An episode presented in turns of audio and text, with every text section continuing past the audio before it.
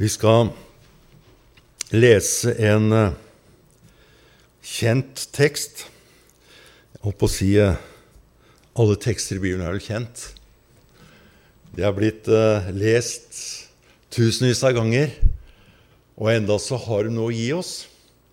Men det er fordi at det er Guds ord. Det er levende, og det har alltid noe å gi oss, og det er alltid aktuelt. Og Derfor så er gamle tekster de, eh, de gir deg noen ting hele tida. Du, eh, du, kjenner det at når du leser de, så er det noe i deg som, eh, som tar det til seg.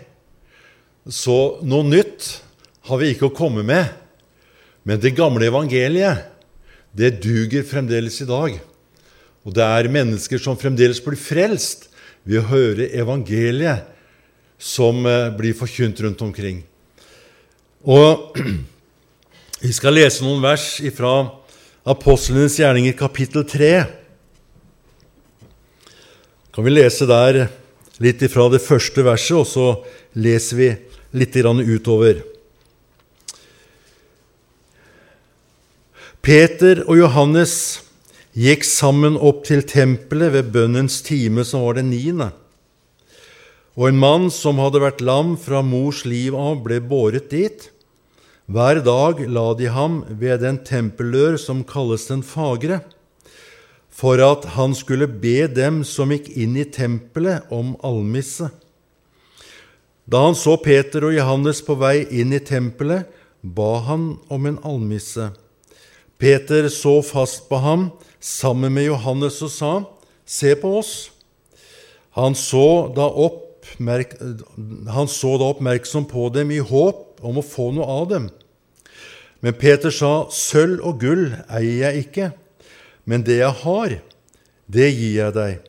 I Jesu Kristi Nazarenes navn, stå opp og gå. Og han grep hans høyre hånd, reiste ham opp. Straks kom det styrke i hans føtter og ankler. Og han sprang opp og sto og gikk omkring, og han fulgte dem inn i tempelet, hvor han gikk omkring og sprang og lovpriste Gud. Og hele folket så han gå omkring og love Gud. De eh, kjente han igjen, at det var han som pleide å sitte ved den fagre tempeldør for å få en almisse, og de ble fylt av undring og forferdelse over det som var hendt han. Disiplene var eh, for å bruke uttrykket, blitt aleine. Altså, Jesus var ikke fysisk sammen med dem lenger. Han var eh, dratt til himmelen. Men eh, de, fors, eh, de, de, fortsatte å følge jødenes tro og tradisjon. Samtidig eh, så hadde de ofringer, og de eh, gikk til bønner om, på morgenen og på ettermiddagen. Ved den niende time leste vi. Denne ettermiddagen så gikk Peter og Johannes De skulle til tempelet. Det var, eh, det var en, eh, en god rutine de hadde. Og når de gikk opp der, så Ja, jeg vet ikke vi, vi, vi kan tenke så mye, men kanskje de gikk der, disse to disiplene, og, og tenkte på eh, dager som lå bak, om alle de dagene som de hadde vært sammen med Jesus, om alt det de hadde opplevd med Jesus, om alt det de hadde fått lov til å se, om alle de ting som Jesus hadde forklart dem, hvor de hadde fått lov til å sitte ned ved Jesu føtter og motta lærdom. Når de hørte Jesus fortalte lignelser, og de kom etterpå til Jesus og sa, 'Hva betød dette her, Jesus?' Og så kunne Jesus sette seg ned med dem, og så fortalte han hva han mente med lignelsene. Og på den måten så hadde jo disippelflokken de hadde vel den beste bibelskolen de gikk på. Når de fikk lov til å oppleve at Jesus sjøl satt og underviste dem, og de fikk liksom direkte ifra Han som var Gudesønnen. Og det står at, at denne mann Han var over 40 år gammel. Det står i kapittel 4, vers 22. Så han hadde altså sittet ved denne, antageligvis da, denne tempeldøra som kaltes Den fagre. Jeg vet ikke om han sitter der alle åra, men han har sikkert sittet der mange av disse åra han hadde vært lam. Og det var hans, eh, det var hans eh, liv å sitte der for å prøve å få litt til livets opphold. Det var liksom, Han var prisgitt at noen hadde et, et mykt hjerte som kunne være med å gi ham litt for dagen. Han skulle ha mat, og det var kanskje ikke så veldig uh, mye med mat hjemme der. Jeg, jeg vet ikke, kanskje de var fattige. Og så sitter han der ved denne tempeldøra som kalles Den fagre, uten at det hjalp han noen tingen. Men han satt nå der. Jeg kan tenke meg at tempeldøra så fin ut. I og med at, har fått, at det liksom var tempeldøra den fagre. Og sikkert en fin tempeldør. Så var sikkert en fin plass han hadde fått å sitte. Og han satt der og ba om almisser. Og så ser han disse to karene som kom gående oppover. Og så håper han sikkert på at det er to stykker som har litt medynk med en fattig, uh, ufør mann, og så kan jeg kanskje få litt av dem. Og så rekker han sikkert ut hånda si når de kommer forbi, og så spør om han kan få litt. Men Peter og Johannes de var vel ikke akkurat så rike på gods og gull, de heller. Og det, det, det sier jo Peter her også, når han eh, svarer han, sier han det Sølv og gull, det eier jeg ikke. Det har jeg ikke. Så jeg kan tenke meg når eh, liksom, Jeg ser for meg liksom denne her lamme mannen som satt der og, og så opp på dem og, og, spurte om å få litt. Så sier Peter liksom, sølv og gull har jeg ikke. Så tenker han kanskje at eh, her var det ikke mye å, å hente for denne dagen hos disse to. Men så legger Peter til Men det jeg har, det skal du få. Ja vel, tenkte man. Da blir det kanskje litt allikevel. Ikke sant? Det for sikkert noe sånn Jeg bare tenker på liksom, Vi mennesker vi, vi, vi tenker og, og reagerer og, og på det som blir sagt. Så satt, fikk han et håp allikevel der han satt. Så tenker jeg da får jeg litt allikevel. Så sier Peter det jeg har, det skal du få.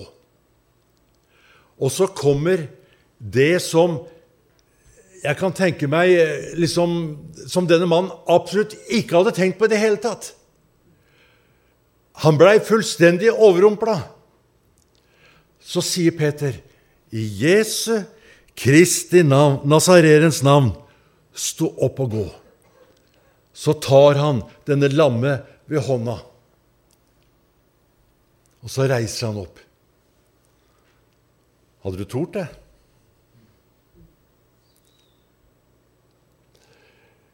Disiplene hadde vært sammen med Jesus. De hadde sett hva Jesus hadde gjort. Han hadde åpna blindes øyne. Han hadde oppvekt døde. Ja, han hadde vært ute for dette her før. Og så kan vi tenke hadde disiplene hadde de oppdaga noen tingen som Jesus gjorde, som liksom var overført til dem? Var det en slags eh, magi? Var det en slags kode? Var det et eller annet som Jesus hadde, som gjorde at Jesus klarte å gjøre det som disiplene hadde fått tak i? Nei, det var ingenting av det. Ikke i det hele tatt. Men du skjønner at disiplene og Peter og Johannes de hadde hatt seg en tur på den øvre salen. Det var der nøkkelen til det hele lå. De hadde fått lov til å oppleve det som Jesus sa, at når jeg går bort fra dere, så skal jeg sende talsmann Den hellige ånd til dere. Og De hadde fått lov til å ha vært på den øvre salen, og de hadde fått en skikkelig jeg holdt på å si, overkjøring av Den hellige ånd. De hadde fått lov til å oppleve at det som Jesus hadde lovt dem, nå hadde det blitt oppfylt. Den hellige ånd var kommet. Det hadde tatt bolig i dem. Og Derfor så kunne Peter og Johannes, når de møtte denne mannen som satt der sånn, så kunne de si i Jesu Kristi Nazareres navn, stå opp og gå. Jeg skal gi deg det jeg har. Jeg hadde ikke gull eller sølv, men jeg hadde noe som var mye bedre. Og denne dagen så fikk denne lamme mannen han fikk sitt mirakel. Han behøvde ikke lang tid på å lære å gå heller. De reiste han opp, og det står at det bein og ankler de fikk styrke. Og han gikk inn i tempelet og lova Gud. Det var ikke noe, noe spesielt i hele tatt. Peter og Johannes de eh, var klar over hva som ville skje. I det han sier i Jesu Kristi Nazarets navn, da er Peter og Johannes de er Jesus' stedfortredere. Og så gir de denne mannen noe av det som de sjøl hadde fått lov til å oppleve. Den hellige ånds kraft var til stede, og den var virksom. Han fikk lov til å oppleve at uh, han fikk føling i disse beina sine som ikke han hadde klart å bære han før. I en alder av 40 år så fikk han lov til å oppleve et mirakel fordi at Jesus var til stede og var der, og så helbreda han.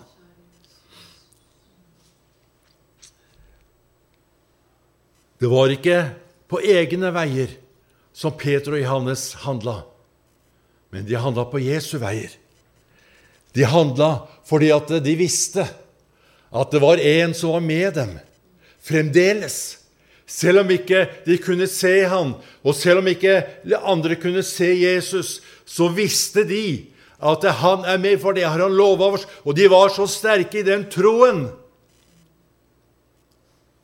at de kunne handle på vegne av Jesus Kristus. Og så fikk denne mannen han fikk lov til å oppleve å bli helbreda og satt fri fra det som bandt han. Han behøvde ikke å sitte ved denne tempeldøra noe mer. Han behøvde ikke å sitte der lenger med ei utstrakt hånd etter å få en, en liten slant når folk gikk forbi. Han behøvde ikke å sitte der så folk kunne gå og se på han og, liksom synes synd på han. Og, 'Hva har du gjort for noe gærent?' Kanskje som sitter der og sånn på den tida. Men han kunne få lov til å gå i sammen med de andre. Han kunne sikkert begynne å virke.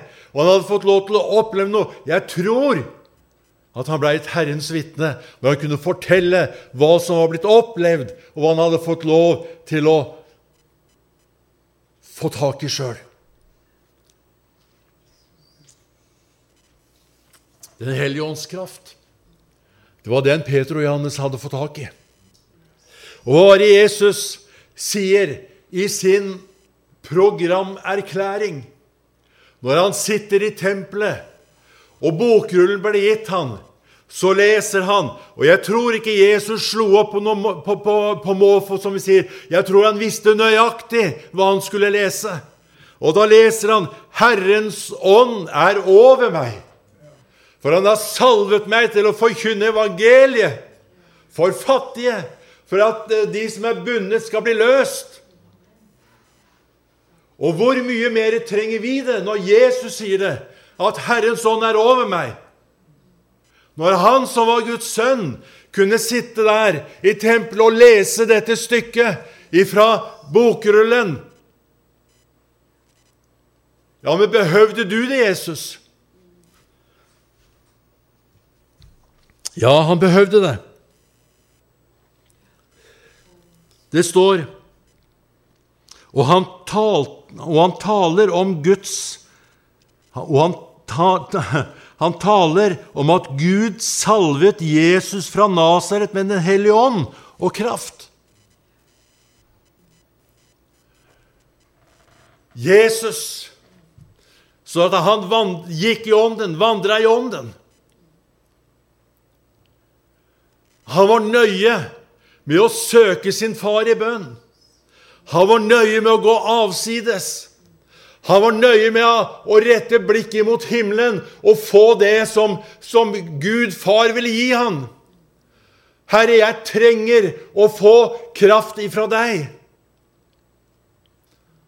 Herrens ånd er over meg, sa Jesus. Og da tenkte jeg Jeg holdt på å si Hva trenger vi? Hvor mye mer trenger vi det? Å få lov til å oppleve at det Herrens ånd er over oss, for vi er satt til å, til å forkynne evangeliet. Jesus stedfortredere, sånn som disiplene var når de gikk der framfor denne, denne lamme mannen og reiste han opp. De var Jesus stedfortredere. Vi skal forkynne det samme evangeliet. Vi skal forkynne den samme kraften. Vi skal forkynne den samme ånd. Og vi trenger at vi blir overøst med Herrens ånd og Den hellige ånd. Det står at, at uh, skygg, til og med skyggen av Peter det står at de bar syke ut på fortauet for om mulig om skyggen av Peter kunne falle på dem, så de skulle bli frelst eller bli helbreda. Ja, var det noe spesielt med Peters skygge? Det var vel akkurat som din og min skygge. Når sola skinner, så følger den trofast med, den. Men det er ikke noe mer enn det heller. Og det var ikke noe spesielt med Peters skygge heller. Men det var dette her at de hadde fått tak i Den hellige ånds kraft. Det var det som omga dem. Det var det som var i dem. Og der de var, der skjedde det noen ting. De fikk lov til å oppleve at Den hellige ånds kraft var med og stadfesta der de gikk fram. Ja, men så sier vi vi, vi, vi har masse unnskyldninger. Så jeg, ja, men jeg er litt så dårlig utrusta. Jeg, jeg liksom har ikke så veldig mye, jeg. Og jeg er liksom ikke, blitt, jeg er ikke blitt forunt med å, med å ikke, jeg, ikke har jeg talegaver, ikke kan jeg synge, ikke kan jeg spille. Eh, jeg er liksom veldig beskjeden, og, og jeg tør ikke det ene, og jeg tør ikke det andre. Hva var det profeten sa til enka? Hva har du i huset ditt? Sa også. Det var ikke så mye jeg hadde. Nei, men hva var det profeten sa? Med egne ord så sa han, 'Gå og begynn å bruke det'. Bruk det lille du har, så skal du få se. Og hun gjorde som profeten sa. Hun gikk og tok det lille, det som ikke var så veldig mye. Så tok hun det og så begynte å tilberede det. Hva var det hun opplevde?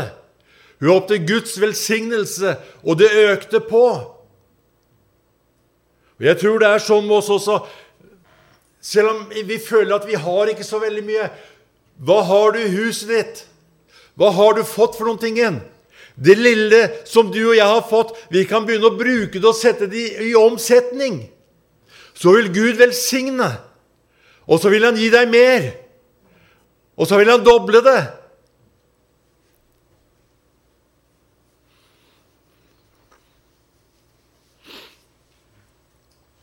Det står at uh, han skal ikke knekke røret. Han skal ikke knuse det. Han skal ikke slukke ut den rykende tanden. Han skal blusse opp igjen. Men det er som det står, at tyven kommer bare for å stjele og ødelegge. Kan få plukka ifra deg og meg det vi har fått, og liksom sette oss på defensiven.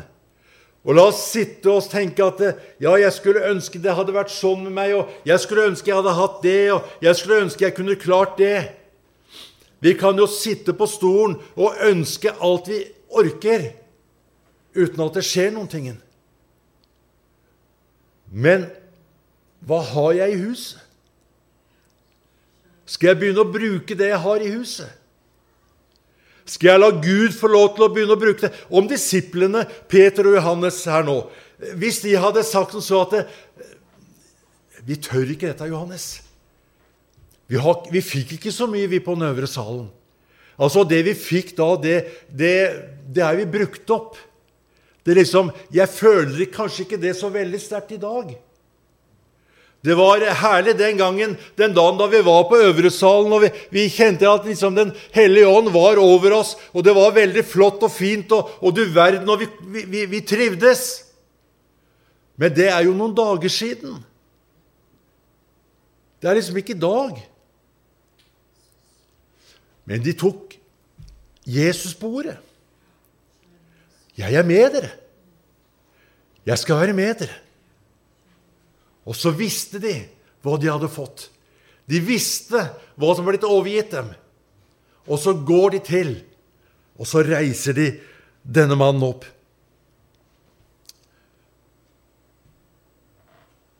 Hvis djevelen kan få kaste igjen noe av den kilden som du har fått i deg, så syns han han har gjort bra, en bra jobb. Filistrene de hadde kasta igjen brønna som Abraham hadde gravd. Men nå kommer Isak. Så graver han de brønna opp igjen.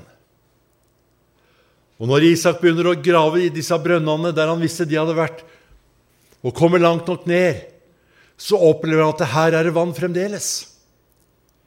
Han kom ned til kilden, og så fikk han lov til å kunne drikke av det som kilden hadde. Og Jeg tror det er mange ganger sånn at det, vi mennesker vi, vi får en kilde i oss når vi blir frelst, så vi kan få lov til å være med og fortelle om Jesus. Men så kommer djevelen og så kaster han dette her igjen. Du klarer ikke dette. Du er så dårlig. Og det liksom, det duger ikke. Og så blir dette her kasta igjen hele tida. Skal vi begynne å grave det fram igjen? Få kilden fram i jeg holdt på å si lyset igjen. Så vi kan begynne å drikke av kilden. Den er jo der. Den er, jo, den er jo satt der for oss, for at vi kan få lov til å være med å drikke av kilden. Få lov til å fylle oss med det som Den hellige ånd kan gi oss. Du skal øse vann med glede. Frelsens kilder. Og det beste er at den er ikke for bare spesielle. Den er ikke for de beste og nest beste, men den er for alle. Fordi at Gud gjør ikke forskjell på folk. Og Jesus står det, han er i går og i dag den samme. Så den kilden, den springer fram til liv. Den hellige ånd kan vi drikke av alle sammen. Den er åpen. Vi kan få lov til å være der og ta til oss av det som vi trenger.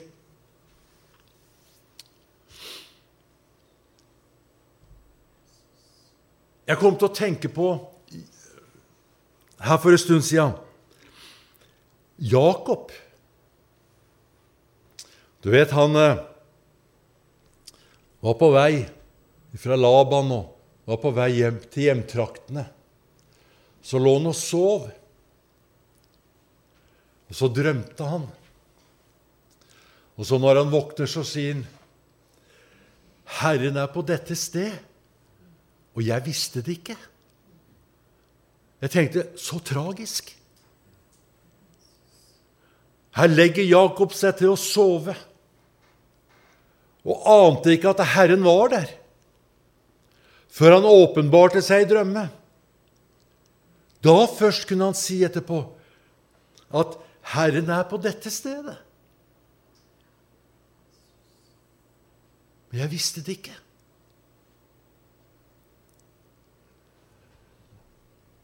Det er godt å vite at det stedet vi er på, der er Herren. Herren er på dette stedet. Og vi kan ikke si at ikke vi vet det, for vi vet at han er her.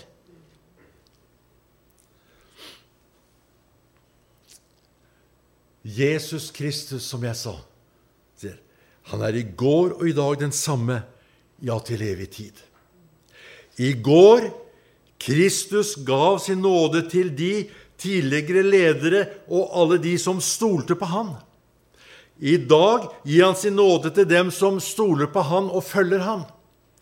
Og til evig tid så vil Han være med i sin nåde til dem som stoler på Han. Er ikke det et bra løfte, da?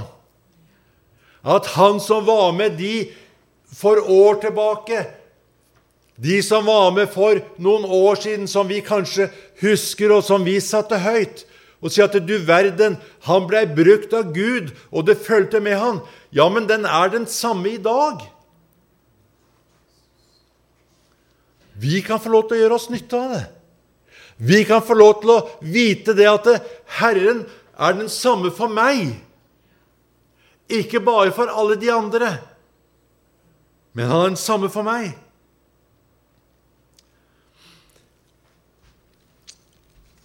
I eh, kapittel 4, vers 13 og 14, så står det noe. Men da de så Peter og Johannes' fremodighet og skjønte at de var ulærde lekmenn, undret de seg, og de kjente dem igjen, at de hadde vært sammen med Jesus. De kjente dem igjen, at de hadde vært sammen med Jesus. Du skjønner at det, hvis du er sammen med Jesus, så vil folk kjenne det igjen. Det, det vil ikke gå upåakta hen. Men du får noe av det som himmelen vil gi deg, og det gjenspeiler seg igjen. Så du skjønner at det, de kjenner og sier at han eller henne har vært sammen med Jesus. Han og henne kjenner vi igjen, for vi har vært der som de har vært, og vi har opplevd at der er Jesus. Så kan vi få lov til å være med og peke på Jesus med våre liv. Det er ikke alltid vi behøver å si så mange ord. Og Jeg sa det her på et møte på Hildre. Det var en Jeg tror det var i Kina. En pastor som ble arrestert, fikk taleforbud. Og kona fikk lov til å komme og besøke ham.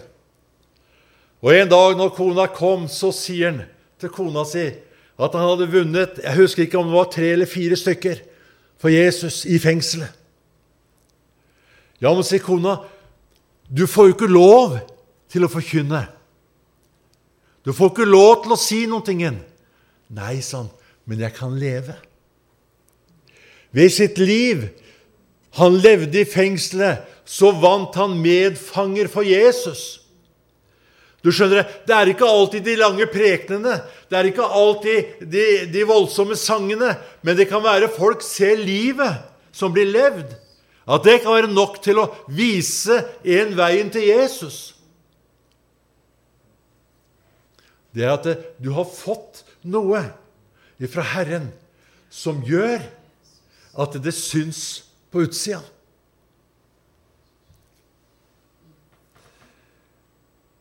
I 1. Timoteus 6,20 så sier Paulus til Timoteus.: Ta vare på det som er overgitt deg. Jeg tenkte ja. Må Gud hjelpe oss at vi tar vare på det som er overgitt oss. Paulus visste at Timotes hadde over, fått overført og, og fått tak i det som Jesus ville gi. Han hadde fått tak i noe av denne her kraften som Jesus ville gi ham. Og så sier Paulus, 'Timoteus, pass på. Bevar det som du har fått. Ikke la noen ta det fra deg. Ikke la noen komme inn og røve det som Jesus har gitt deg.' Men må du leve i dette hele tida? Må du kjenne at det som Han har gitt deg, det, det veller fram til evig liv for, for både deg og de som hører deg. Jesus, han uh, har sagt Jeg overlater dere ikke aleine. Jeg vil være med dere.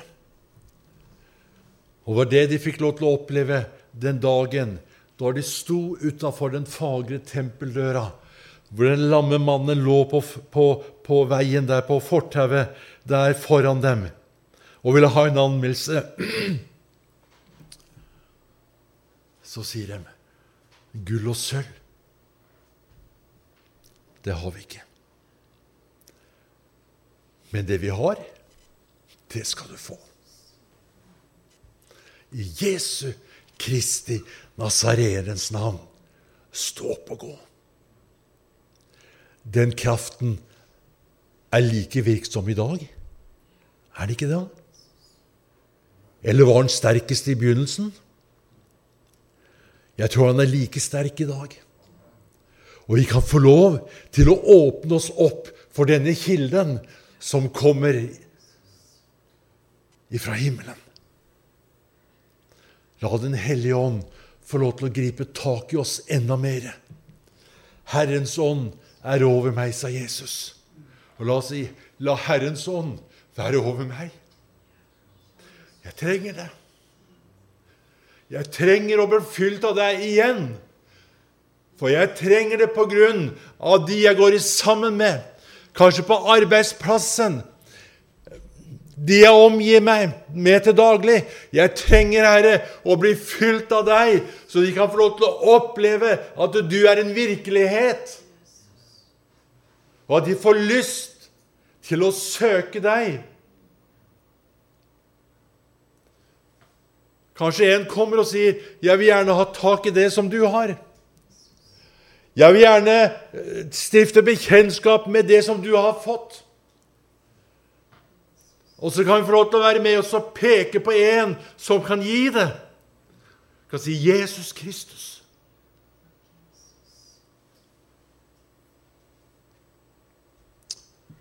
Når jeg står ved det eldgamle kors, så får jeg lov til å oppleve at det skjer noe spesielt. Jesus kommer dit. Jeg kan få lov til å oppleve at Den hellige ånd tar tak. Så sier han nå skal vi to gå. Og så skal vi gi noe til en som trenger det. Når vi går Jesu ærend, så går vi aldri aleine. Og vi syns kanskje at det, det, det, det, liksom, skjer ingentingen. Ja, men altså, jeg, jeg, prøvde. Jeg prøvde å si noe. Jeg prøvde å overbevise han, og jeg prøvde å overbevise henne om at du trenger Jesus. Slutt med å prøve å overbevise. Jeg holdt på å si det er ikke din oppgave. Du skal være med og gi et lite vitnesbyrd om Jesus. Så skal Den hellige ånd være med og overbevise. Han er sammen med deg, og han vil gjerne at det som du bringer, skal lykkes. Og Derfor er han med deg, og han vil arbeide videre med det som du gir. Han er en fantastisk medspiller. For Den hellige ånd vil alltid være med, og så vil han herliggjøre Jesus. Og når du sier et ord om Jesus, så vil Den hellige ånd være der og herliggjøre Jesus. Han herliggjør ikke verken deg eller meg. Det er ikke så mye å herliggjøre. Men han herliggjør Jesus. Det er han som er frelseren. Det er han som gjør det.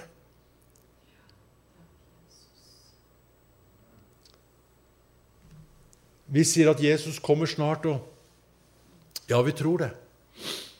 Vi tror at hans gjenkomst nærmer seg. Og la oss være ved kilden. Når Jesus kommer, ikke la oss være ved en brønn som er gjenkasta, en kilde som er kasta igjen. Men la oss være ved en kilde som er åpen, som vi drikker av. Så kan vi si, 'Herre Jesus, ja, kom. Jeg venter deg.' Uansett når det måtte være, så er jeg rede når du kommer. Den hellige ånds virke i ditt og mitt liv. Gud velsigne dere her borte. Vi håper på en vekkelse over hele vårt land. Og jeg tror at vi skal få oppleve at mennesker skal bli høsta inn for Jesus. Men det kan være kanskje at vår tålmodighet blir satt på prøve av og til. Skjer det ikke noe snart? Men så lenge vi er her, så har Jesus sagt, vær med og del evangeliet. Del det ut. Så i sin tid så bærer det frukter. Skal vi ta skal vi ta den på ordet? Skal vi gi det ut? Kast et brød utover vannet, og i tidens løp så kommer det igjen. Amen.